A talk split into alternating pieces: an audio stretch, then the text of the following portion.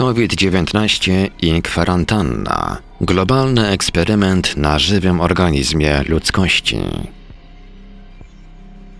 Bez względu na pochodzenie COVID-19, reakcja na tego wirusa doprowadziła do serii drastycznych i bezprecedensowych zmian na poziomie globalnym. Dystopijna przyszłość dzieje się teraz. Oto jak pandemia przyczyniła się do uruchomienia największego eksperymentu w historii ludzkości. Reakcja na COVID-19 doprowadziła do uruchomienia największego eksperymentu na ludzkości w historii świata. W czasie pisania tych słów, oryginał tego artykułu powstał pod koniec marca. Ponad 1 trzecia globalnej populacji ludzkiej została zmuszona do przebywania w zamknięciu. Co więcej, globalna gospodarka została gwałtownie zatrzymana, gdy rządy kilku państw nakazały zamknięcie przedsiębiorstw nie będących kluczowymi z punktu widzenia narodowych gospodarek. Nigdy wcześniej w historii nie widzieliśmy tak daleko idących środków, które wpływają na każdego człowieka na tak głębokim poziomie. Na przestrzeni tygodni możliwość swobodnego przemieszczania się i zarabiania na życie całkowicie zniknęła. Choć mówi się, że te środki są jedynie tymczasowe i mają na celu powstrzymanie rozprzestrzeniania się wirusa, jedna ważna rzecz pozostaje faktem. One naprawdę stały się rzeczywistością. A to oznacza, że równie dobrze mogą stać się rzeczywistością w każdym momencie w przyszłości. Choć wygodnie jest sądzić, że naszym rządom zależy na naszym zdrowiu i najlepszym interesie, jest raczej naiwnością uważać, że najbardziej wpływowi ludzie na tym świecie nie postrzegają tej pandemii jako niesamowitej okazji. Jedno z ulubionych powiedzonek elit brzmi: Nie pozwól, aby dobry kryzys się zmarnował. A ten kryzys zdecydowanie nie idzie na marne. Obecna pandemia uruchomiła sprawdzanie różnych autorytarnych środków, które dokładnie idą w parze z długoterminowymi planami światowych elit. W rzeczy samej trudno wyobrazić sobie lepszy plan zmierzający do jednoczesnego zastraszenia, odizolowania, podporządkowania, spauperyzowania i zdemoralizowania całego społeczeństwa, tworząc najlepsze okoliczności, aby je ukształtować w taki sposób, aby odpowiadało określonym interesom.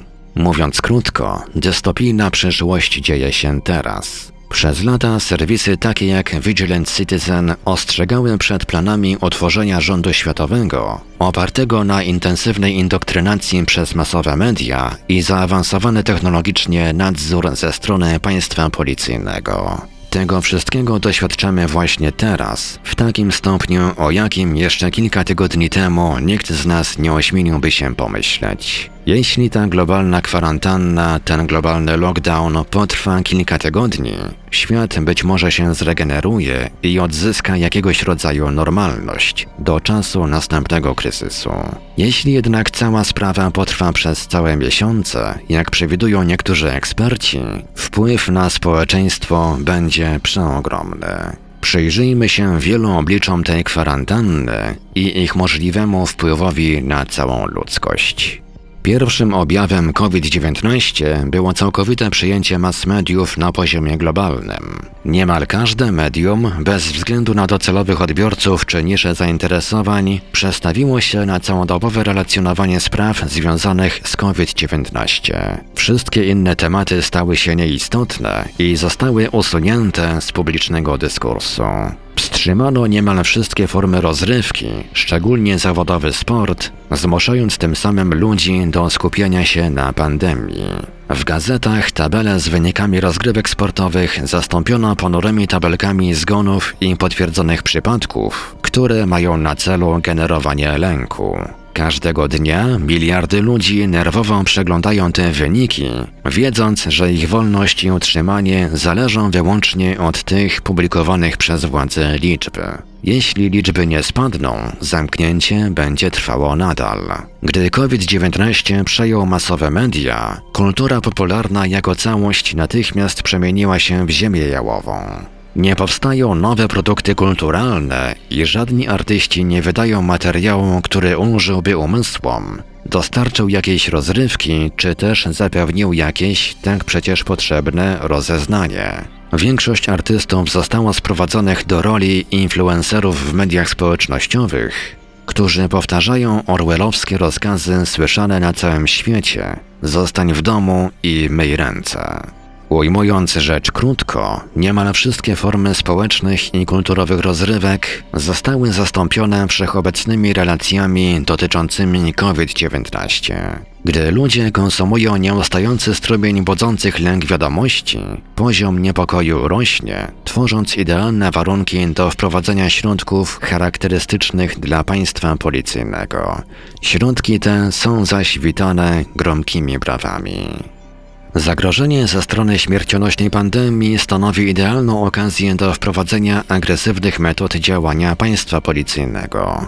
Ludzie się boją i oczekują podjęcia zdecydowanych działań ze strony władz. Gdy jednak to wszystko się zakończy, czy społeczeństwo odzyska pełnię swoich swobód? Czy może stopniowo zejdzie do 50%, każdy procent świętując, jakby to było zwycięstwo?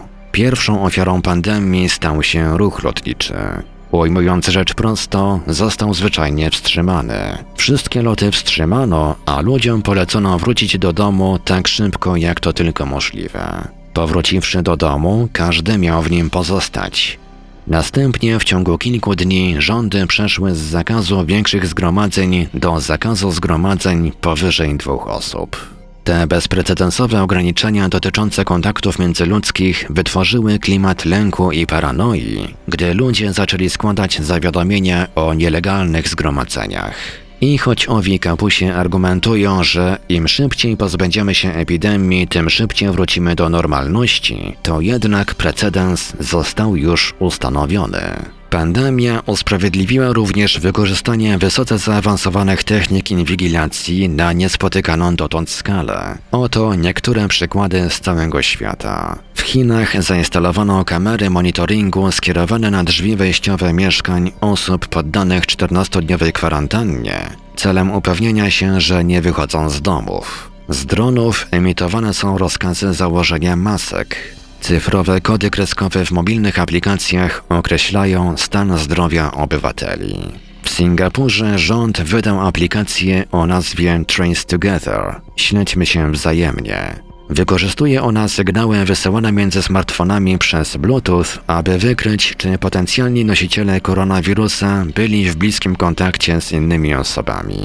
W Hongkongu niektórym mieszkańcom nakazano nosić na rękach opaski połączone z aplikacją zainstalowaną w smartfonie, który to tandem informuje władze, czy dana osoba opuściła miejsce odbywania kwarantanny.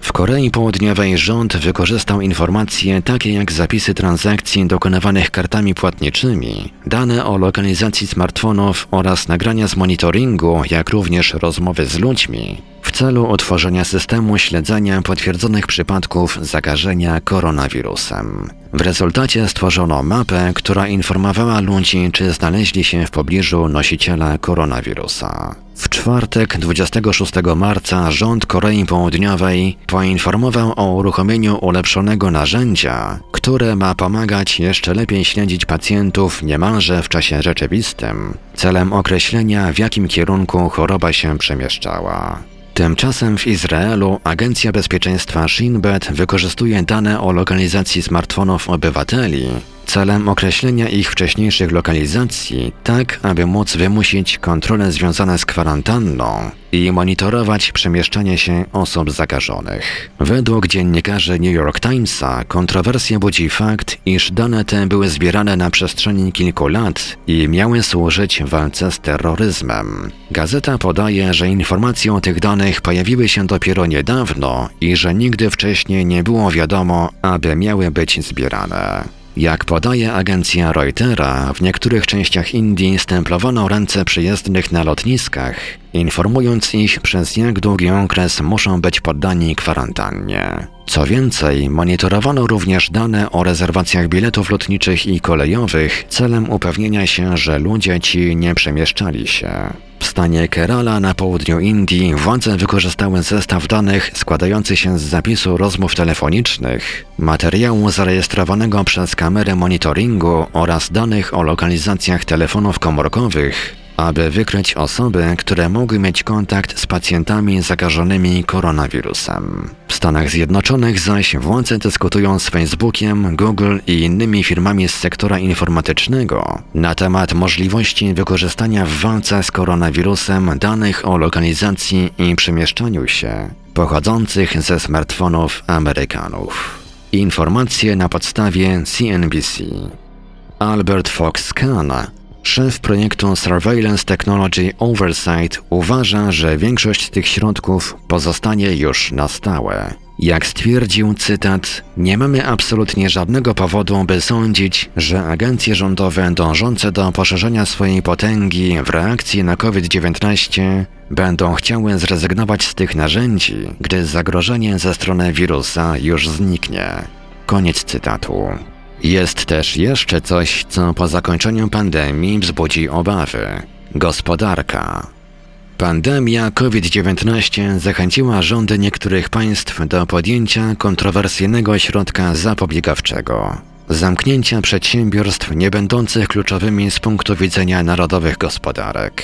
To doprowadziło do tego, że miliony osób natychmiast straciły pracę. Doprowadziło to również rządy do poniekąd niezdrowego kombinowania, aby ustalić, które przedsiębiorstwa mają kluczowe znaczenie, a które nie. Choć większość dużych korporacji przetrwa sztorm i zatrudni pracowników ponownie, wiele małych i średnich firm nie przetrwa wyłączenia. W tej sytuacji mamy też wyraźnie wygranych. Duże sieci, takie jak Walmart, Costco, Walgreens, McDonald's i Amazon, a w Polsce Biedronka, Lidl, Auchan itd. Faktem jest, że z uwagi na ogromny skok sprzedaży Amazon niedawno ogłosił zatrudnienie ponad 100 tysięcy pracowników, aby sprostać popytowi. W przeciwieństwie jednak do większości stanowisk oferowanych przez wspomniane duże sieci, Amazon zaoferował płace niewiele wyższe od płacy minimalnej. Jeśli lockdown się utrzyma, możemy oczekiwać dużej zmiany w światowej gospodarce. Małe i średnie przedsiębiorstwa będą walczyć i zdychać, podczas gdy giganci rozkwitną, przemieniając się w monolityczne centra dystrybucji dóbr podstawowych. Aby zapobiec całkowitemu upadkowi światowej gospodarki, rządy ogłosiły programy pomocowe opiewające na biliony dolarów, aby pomóc dotkniętym wyłączeniem. Te pieniądze nie biorą się jednak z powietrza. Ich wypłacenie poskutkuje ogromnym zadłużeniem i najprawdopodobniej podwyżką podatków. W biedniejszych krajach pomoc finansowa zdarza się rzadko bądź nie istnieje wcale, co stanowi przepis na nieuchronny chaos. W ostateczności wszystkie kryzysy gospodarcze kończą się faworyzacją elit. Wynik netto załamania się finansów z 2008 roku oraz wypłacenia wówczas subwencji doprowadził do wydrenowania dziesiątków bilionów dolarów z portfeli przedstawicieli klasy średniej na rzecz światowej elity. Kryzys związany z COVID-19 najprawdopodobniej zakończy się podobnie.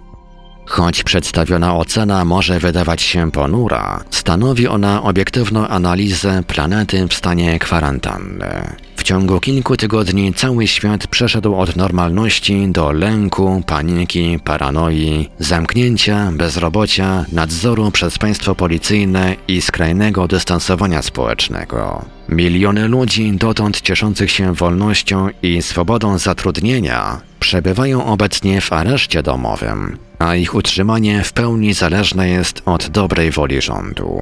Choć absolutna niezbędność przedsięwziętych środków stanowi temat do debaty, nie jest możliwa debata na temat ich niezbędności w momencie, gdy zagrożenie ze strony wirusa już przeminie. My zaś musimy zrobić wszystko, aby dystopijny koszmar, w jakim obecnie żyjemy, nie przemienił się w codzienność. Bo właśnie teraz niektórzy głodni władzy ludzie ślinią się i będą chcieli jeszcze więcej. W tym krytycznym okresie musimy trzymać rękę na pulsie i monitorować wiele sposobów, jakich używa się, by zmienić społeczeństwo, a ponadto musimy zrobić wszystko, aby odzyskać pełnię wolności w momencie, gdy zagrożenie ze strony wirusa już zniknie. Jak to ujął Thomas Jefferson, ceną wolności jest nieustanna czujność. Źródło The Vigilant Citizen. vigilantcitizen.com 27 marca 2020 roku. Tłumaczył, opracował i czytał Ivelios